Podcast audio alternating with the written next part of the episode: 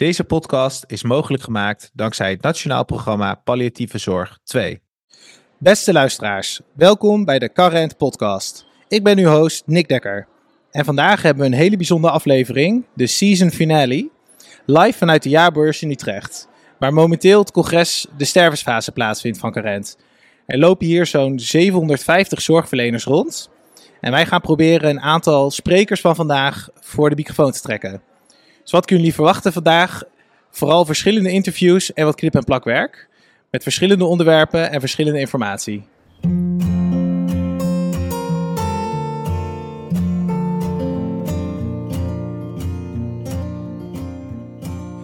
Hey Sabine, welkom bij het congres. Uh, jij gaat wat vertellen over palliatieve sedatie. We hebben dat natuurlijk in onze afleveringen al ruim besproken, hè? de medicatie rond sterfbed. Wat ga je nog extra vertellen vandaag? Ik ga wel iets extra's doen. Het is, uh, de prestatie is anders.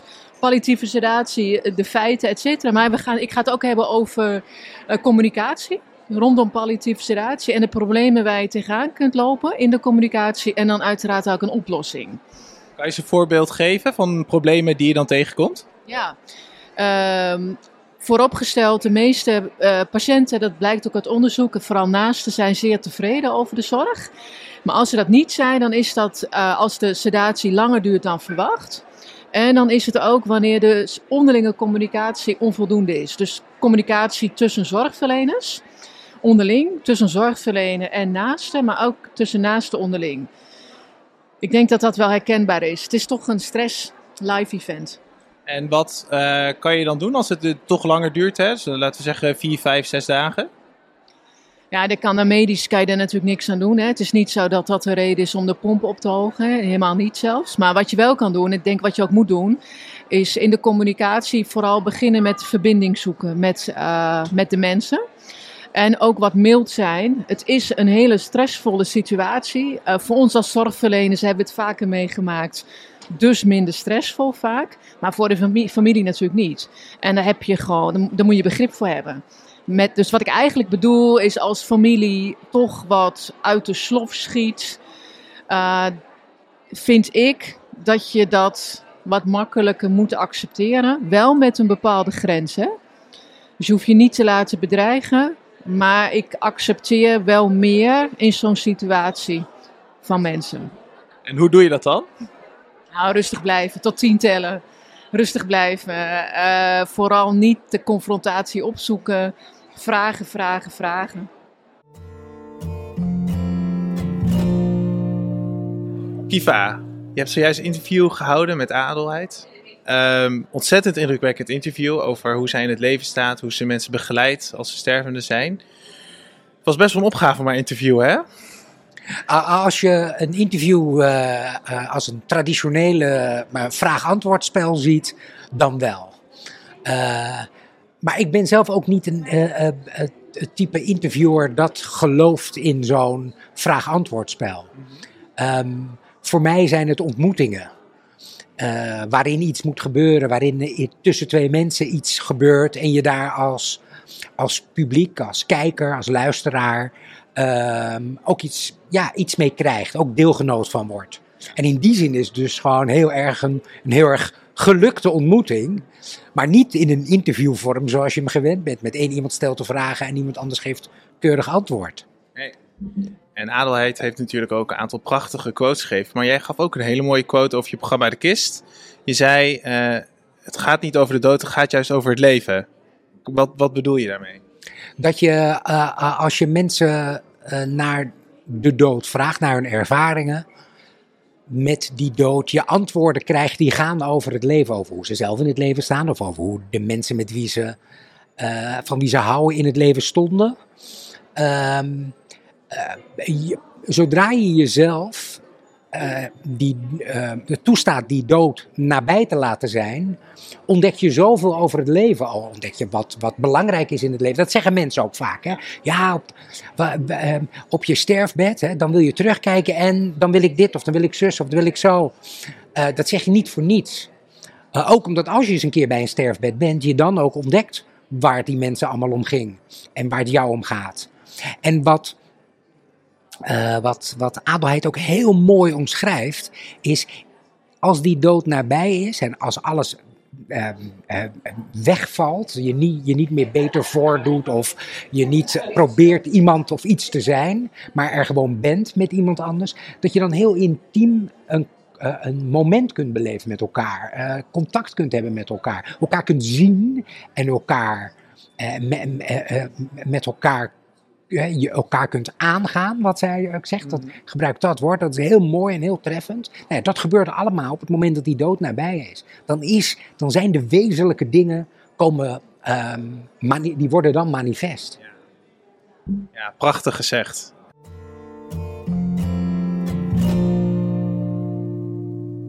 Nou, Adelheid, ehm, we hebben je zojuist eh, gehoord. Je hebt verteld hoe je met je naasten omgaat, zeker als het einde nabij is. En eh, je vertelt met zoveel passie en je vertelt ook, ik doe een stap vooruit. Heb je dat moeten leren of was dat, was dat er al vanaf het begin? Dat je mensen zo naar je toe trekt, juist als het zo kritiek wordt. Eh, ik denk dat het. Wat ik, wat ik net ook bij, bij, dat, bij het openbaar, dat hele fijne openbare interview mocht vertellen. Eh, ik denk dat het een talent is en een aanwezigheid in ons allemaal. Alleen dat door allerlei facetten, dat zijn soms ook gewoon episodes van de tijd hè, waarin we leven. We zitten natuurlijk best in een individualistisch tijdperk. Ehm, maar ik denk dat, dat het ook in andere tijdperken of episodes moeilijk is om die kwetsbaarheid ja, te durven tonen aan elkaar. Maar het is een heel groot talent in ons allemaal. En het is een enorme behoefte in ons allemaal. En iedereen ontspant altijd daarna van... Oh, ik was zenuwachtig voor een huilbui. Ook ben nu toch... Maar ik ben zo opgelucht. Ook ben zo blij. Of, dus dat met elkaar... Ja, stromen of een, ja, wat ik altijd noem dat weefsel voelen. Dat je met elkaar bent. En ook een wild vreemd iemand aanklampen en dan denken, oh werkelijk, ik heb gewoon, weet je, alsof het mijn broer is. Of, nou ja, daar, dat, daar kunnen wij dan ongelooflijk verbaasd over zijn. Maar het is de hele dag om ons heen aanwezig. weet je wel. Zijn, zijn we dat dan kwijtgeraakt met de telefoons? En je vertelt ook dat je met mensen praat, gewoon in de trein, als je tegenover ze zit in de cabine. Ja. Dat is niet meer vanzelfsprekend, hè? Nee, dat is niet meer vanzelfsprekend. Nee, dat klopt. Maar de- je- ik kan eigenlijk kan jij beter, jij kan beter de vraag beantwoorden. Waarom doen we dat niet meer? Dus ik doe het en jij doet het dus niet. Dus jij bent veel beter in. Waarom doe jij het niet? Is het eng? Vind je het eng?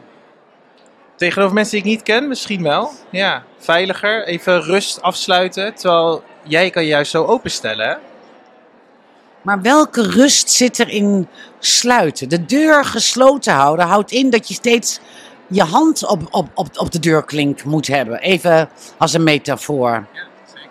Terwijl als je open bent en iedereen spreekt je aan, dan leer je ook het flexibel zijn van binnen. En dan leer je ook op een, op een liefdevolle manier zeggen: Weet je, ik heb, ik, oh god, schat, maar ik heb nu even geen tijd. Weet je wel? Dat afsluiten, want dat hebben mensen heel vaak aan mij gevraagd. Word je niet doodmoe? Weet je, aanleid word je niet dood. Ja, dan zeg ik ook altijd. Jongens, het, het nee zeggen is veel vermoeiender, kost veel meer energie. Adelheid, wat, wat ik ook herken in mijn werk. Soms dan zit je naast iemand die in de laatste levensfase is. En dan lukt het even niet om op woorden te komen of het juiste te zeggen. En dan voel je dat ongemak bij je naar boven komen. Wat, wat, heb, je, heb je een tip?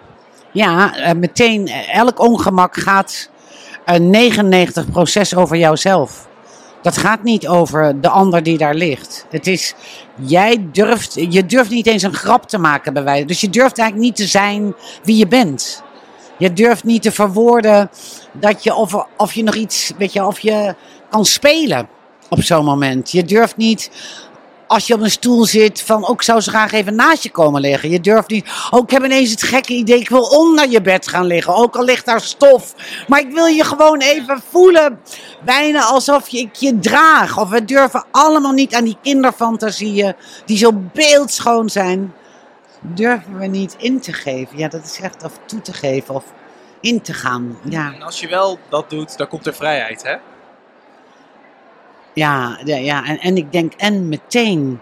Je bent meteen in contact. Want als jij in contact bent met, je, met jezelf, dan ben je in contact met de ander.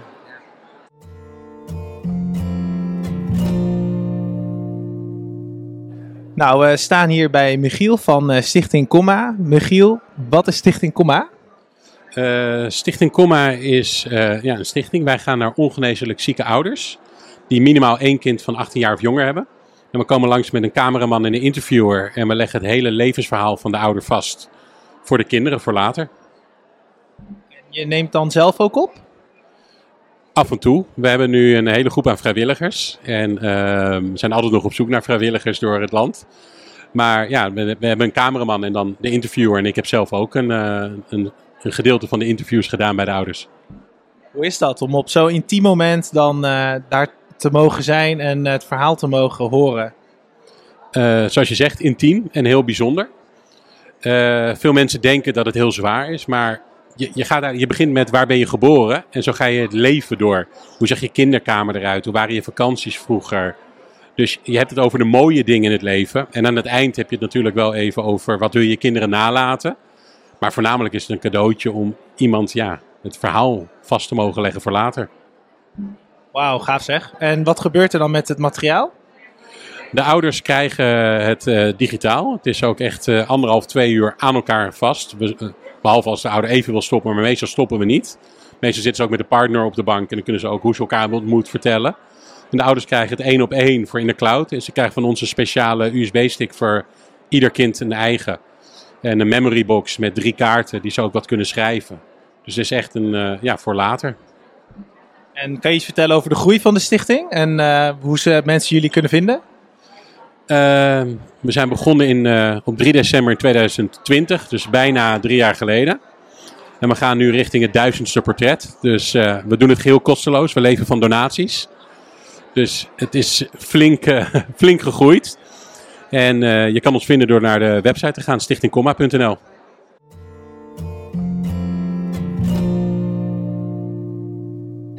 Steven, welkom. Jij bent onze mystery guest van vandaag.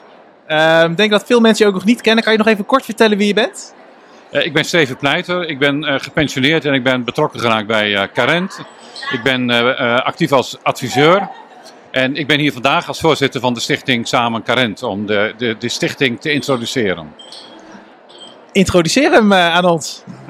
Ja, we hebben de stichting Samen Carent opgericht. Omdat er behoefte is om een, een Carent fonds tot stand te brengen en je current vrienden te maken. Uh, en we hebben gekozen om wat Carent op, op maatschappelijke bewustwordinggebied uh, wil doen, te combineren met die fondsenwerving. En daar hebben we samen de stichting Samen Carent voor opgericht. En dat is zo dat we dat vandaag het levenslicht laten zien. En ehm, dan ben ik u van de Postcode Loterij en dan geef ik je een miljoen. Wat zou je ermee doen? Ja, dat, dat, dat, daar overweldig je me een beetje mee, want daar ben ik niet op voorbereid. Maar het belangrijkste is, uh, Carent heeft heel veel ideeën. En uh, de Carent is echt een ideeën, hoe noem je dat? Een, het barst van de ideeën. En met ideeën is het vaak zo dat je geld zoekt om die te kunnen doen. En als je dan bijvoorbeeld een subsidie moet aanvragen, ben je een, een maanden, zo niet een jaar of twee jaar onderweg. Als we nou dat fonds hebben en we zouden dat miljoen hebben, dan kunnen we zelf veel sneller reageren. En kunnen we zelf iets gaan doen waarvan we zeggen, nou wij vinden dat belangrijk. Is misschien nog geen structureel geld voor. Maar we kunnen wel beginnen door het geld wat we zelf hebben. Dus met name die veerkracht om dat uh, te hebben. Snel initiatieven te, kunnen nemen die belangrijk zijn voor Carent. En dan daarna zoeken naar structurele financiering. Dat is, dat is waar we op doelen. Kan je één zo'n idee noemen? Of kan je het een beetje concreet maken wat dan in een droomscenario uh, Carent zou kunnen doen? Carent Zorg? Nou, wat dacht je van de Current podcast? Uh, die moet uh, betaald worden en dat, dat is een heel goed idee. dat is nog wel overzichtelijk qua, qua kosten. Maar we willen ook Current Zorg oprichten. En ja, voor Current Zorg, voor het oprichten daarvan, heb je best wel wat geld nodig. En, dus dat is echt wel een heel concreet doel. Uh, het staat in de beginschoenen, er moet nog heel veel werk gedaan worden, maar daarvoor heb je wel mensen nodig die goed van de hoed en de rand weten. En uh, dus uh, echt kunnen helpen om, dat uh, tot stand te brengen. Nou, daar is gewoon simpelweg geld voor nodig. Dus dat, daar kun, dat zouden we heel goed kunnen gebruiken. Ja, dus geld dat echt terechtkomt bij de mensen die het misschien wel het meest nodig hebben. Uiteindelijk is uh, uh, het is niet zo dat we de directe zorg van willen gaan betalen. Maar het is, alles wat we doen staat uh, in het doel van het verbeteren van de palliatieve zorg voor de mensen die in die laatste levensfase zitten. En ja, daar draait uiteindelijk alles om.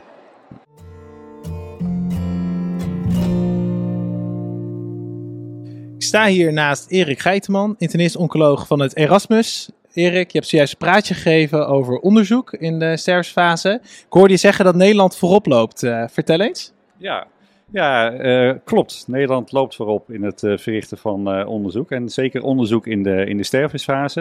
we zijn een van de weinige landen die daar aandacht aan besteden. En ook vooral een van de weinige landen die ook de mogelijkheid heeft om dit soort onderzoek uh, daadwerkelijk uit te voeren. En ik denk dat uh, zeker de ontwikkelingen binnen uh, subsidieverstrekkers om dit daadwerkelijk mogelijk te maken, dat dat een belangrijke voorwaarde is geweest. En dat het daardoor ook mogelijk is geweest om bijvoorbeeld een groot onderzoek, wat collega Jet van Es heeft gedaan, om dat daadwerkelijk ook gestalte te geven. Waarom is dat nou zo'n probleem voor goedkeuring en wat heeft Jet precies onderzocht? Ja, uh, op de eerste vraag een antwoord geven. Waarom is dat zo moeilijk wat betreft goedkeuring? Er zijn eigenlijk verschillende stappen uh, die noodzakelijk zijn om een onderzoek daadwerkelijk mogelijk te maken. En een belangrijke voorwaarde is dat er een onderzoekssubsidie moet zijn. Dus dat er voldoende financiële ondersteuning is om daadwerkelijk een onderzoek mogelijk te maken. En dat heeft met name te maken dat bijvoorbeeld een, een um, uh, studiemedicijn, dat dat heel veel uh, geld kost en dat dat ook uh, daadwerkelijk bekostigd moet worden, maar ook de onderzoekers moeten bekostigd worden. Um, dat is een belangrijke voorwaarde. En dan ga je de hele zogenaamde riedel in van het uh, krijgen van uh, toestemming van de Medische Ethische Toetsingscommissie. Het uh, in overleg zijn met de zogenaamde sites. Dat zijn de zorginstellingen die ook mee willen doen aan het onderzoek. En ga zo maar door. Dus dat gaat echt aan trajecten aan, van een aantal jaar aan vooraf. Um, terugkomend op de tweede vraag, het onderzoek van, uh, van Jet van Es. Uh, Jet van Es heeft onderzoek gedaan naar het fenomeen reutelen en of uh, scopolamine butyl daar de kans op het ontstaan van reutelen, of dat kan verminderen door de inzet van dat middel op het moment dat de stervensfase wordt herkend en nog voorafgaand aan dat er daadwerkelijk reutelen ontstaat bij een patiënt heb ik het onderzoek natuurlijk ook gezien. Ik zag dat ook een van de uitkomsten was dat mensen die uh, het middel kregen ook een langer sterfbed hadden. Ja, en dat, het, langer uh, sterfbed, dat, dat is een, een, fenomeen wat we niet goed kunnen, kunnen beschrijven. Um, wat het was ook een zogenaamd secundaire uitkomstmaat. Dus het, het, is niet zozeer opgepouwd. Dus we kunnen daar niet daadwerkelijk iets over zeggen. Maar het is wel een opmerkelijke bevinding. Dat uh, die mensen daadwerkelijk langer in leven waren dan de, mensen die uh, uh, meer reutelden. En de, de zogenaamde ehm, controlegroep. Wat een, een suggestie, een gedachte is, dat dat te maken heeft dat het misschien toch wat meer leidt tot een bepaalde rust. En dat daardoor mensen nog wat langer in leven zijn dan uh, met het gebruik van, uh, of zonder het gebruik van scopolamine En dus meer gaan reutelen. Maar dat is meer een aanname, een, een speculatie die er is. Um, dus niet heel duidelijk waardoor dat komt. Oftewel, tijd voor meer onderzoek. tijd voor meer um, uh, en met name andere gedegen onderzoeken. Want wat ik ook met name heb uh, laten zien in de, in de voordracht is dat we best veel onderzoek doen. En ik denk dat er het overgrote uh, deel ook daadwerkelijk gedegen onderzoeken zijn waar we ook echt de praktijk mee kunnen veranderen. Maar het ontbreekt ons nog wat meer aan die, die zogenaamde interventieonderzoeken. Namelijk, oké, heeft deze heeft een bepaalde interventie daadwerkelijk de meerwaarde voor de individuele patiënt en de toekomstige patiënten. En de laatste vraag, wat ben jij nu aan het onderzoeken? Mogen we weten waar je mee bezig bent?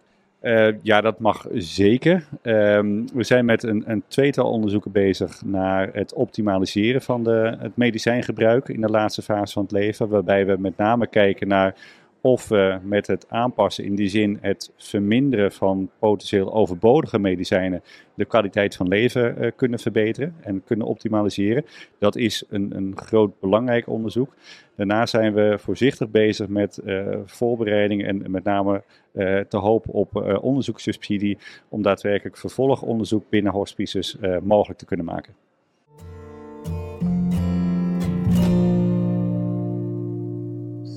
Sander, welkom. Gefeliciteerd met het congres. Meer dan 750 mensen. Uh, wat vind je ervan? Ja, geweldige sfeer. Uh, goede en inspirerende uh, plenaire sprekers. De workshops zijn net begonnen. Dus ik ben heel benieuwd. Maar weet je, de sfeer is goed. En we voelen allemaal van, hey, we kunnen met de palliatieve zorg en de zorg in de sterfsfase echt een, nog een niveau verder. En dat, dat voel je echt. De, de, eigenlijk de honger naar meer leren, meer kennis en, en elkaar ontmoeten. Wat is je tot nu toe het meest bijgebleven? Ik vond de film Politiek van de Aandacht echt heel indrukwekkend. Het is een eigenlijk een kunstenaar die zelf heel ziek is, in een ziekenhuis ligt. En we zien vanuit haar fotocamera zien we hoe de zorg eigenlijk geleverd wordt.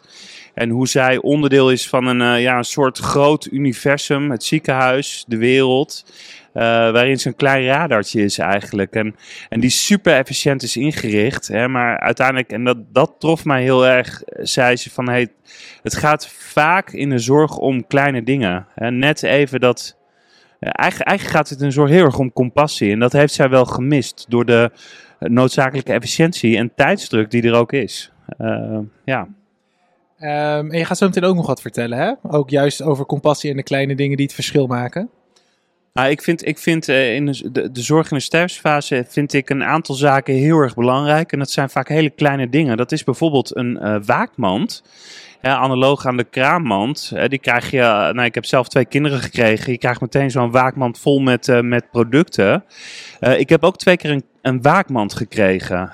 namelijk bij het overlijden van mijn ouders. En ik vond dat onwijs fijn. Er zitten allerlei producten in die, uh, ja, weet je, die soms echt wel kunnen helpen. En het is een hele uh, simpele interventie om gewoon naasten misschien wel beter te begeleiden rond dat sterfbed. En de tweede is, uh, ik ga het ook over het koppelbed hebben. En het koppelbed is een soort, ja, een bedframe met een overhellend matras. En doordat je dat matras... Ehm, Um, die kan je gewoon goed tegen uh, het bed van de stervende aanleggen. Uh, en ik vind dat zelf echt de uitvinding van de eeuw. Omdat mensen echt ook juist in die sterfsfase uh, samen, echt samen kunnen zijn. Ik, ik, ik, ik, zie iets veranderen rond sterfbedden. En dat, dat is dat we elkaar misschien wat vaker beter durven aan te raken. Ik vind dat echt heel belangrijk, die intimiteit. Dat die er dan ook mag zijn. En um, ik, gun het, ik gun het iedereen die dat wil bij elkaar zijn. En als we nou een team zorgverleners hebben die denken we gaan onze eigen waakmand uh, oprichten of opzetten, wat moet er allemaal in? Ik zou in ieder geval een, uh, een aantal boeken over sterven, foldermateriaal. Is dat uh, dan ook jouw boek? Absoluut mijn boek, geen, geen, enkel probleem. Um, maar ook foldermateriaal, maar ook bijvoorbeeld kleine boekjes over doodgaan voor kinderen bijvoorbeeld kinderen uh, werden vaak weggehouden bij sterfbedden. Ik zou ze juist willen uitnodigen om wel bij een sterfbed van opa of oma of misschien mama of papa aanwezig te zijn. Juist omdat de fantasie vaak veel afschrikwekkender is dan de realiteit. Um, en, dus, en ik zou zeker ook dan boekjes voor kinderen in, uh, in zo'n waakman doen. En verder nog een deken, snacks, uh, tandenborstel. Wat bij ons uh, bij het sterfbed van mijn vader heel handig was, waren telefoonsnoertjes. Want weet je, je crasht soms in één keer naast een sterfbed.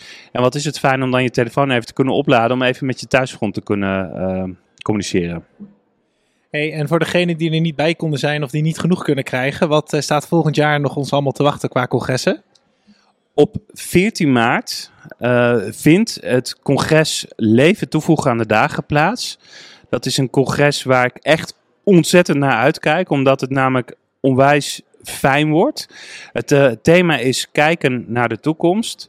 We gaan met uh, sprekers als Michelle van Tongerlo, Bert Keizer, Carlo Leget, Jet Bussemaker, Tommy Niesen, Jennifer Bergkamp en vele anderen uh, ons buigen over de grote vraag: hoe kunnen we de komende jaren, het komende decennia, goed voor onze patiënten blijven zorgen? En hoe kunnen we ervoor zorgen dat ondanks de enorme toename in patiënten en ondanks de toename in personeelstekorten, hoe kunnen we er met z'n allen voor zorgen dat elke patiënt uh, de beste zorg krijgt, ook als je niet meer beter wordt? En nog een congres? En uh, nog een congres is op 10 april 2024, dus een maand later. Dan gaan we het over proactieve zorg uh, hebben. Met onder andere Diederik Gommers. Die gaat ons vertellen over hoe je het beste proactieve zorg op de IC of op de spoed kan doen. dat is een middagsymposium, ook in de jaarbeurs. En ik denk dat Carent ja, zich echt aan het warmlopen is om alle onderwerpen die echt super relevant zijn, om die echt een podium te gaan bieden.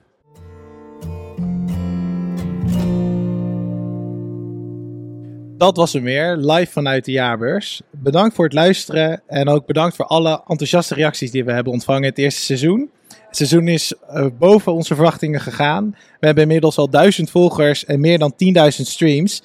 Dus daarvoor willen jullie al van harte bedanken. Deel de podcast vooral met vrienden en familie en zorg dat we de palliatieve zorg nog meer op de kaart kunnen zetten. Dank jullie wel.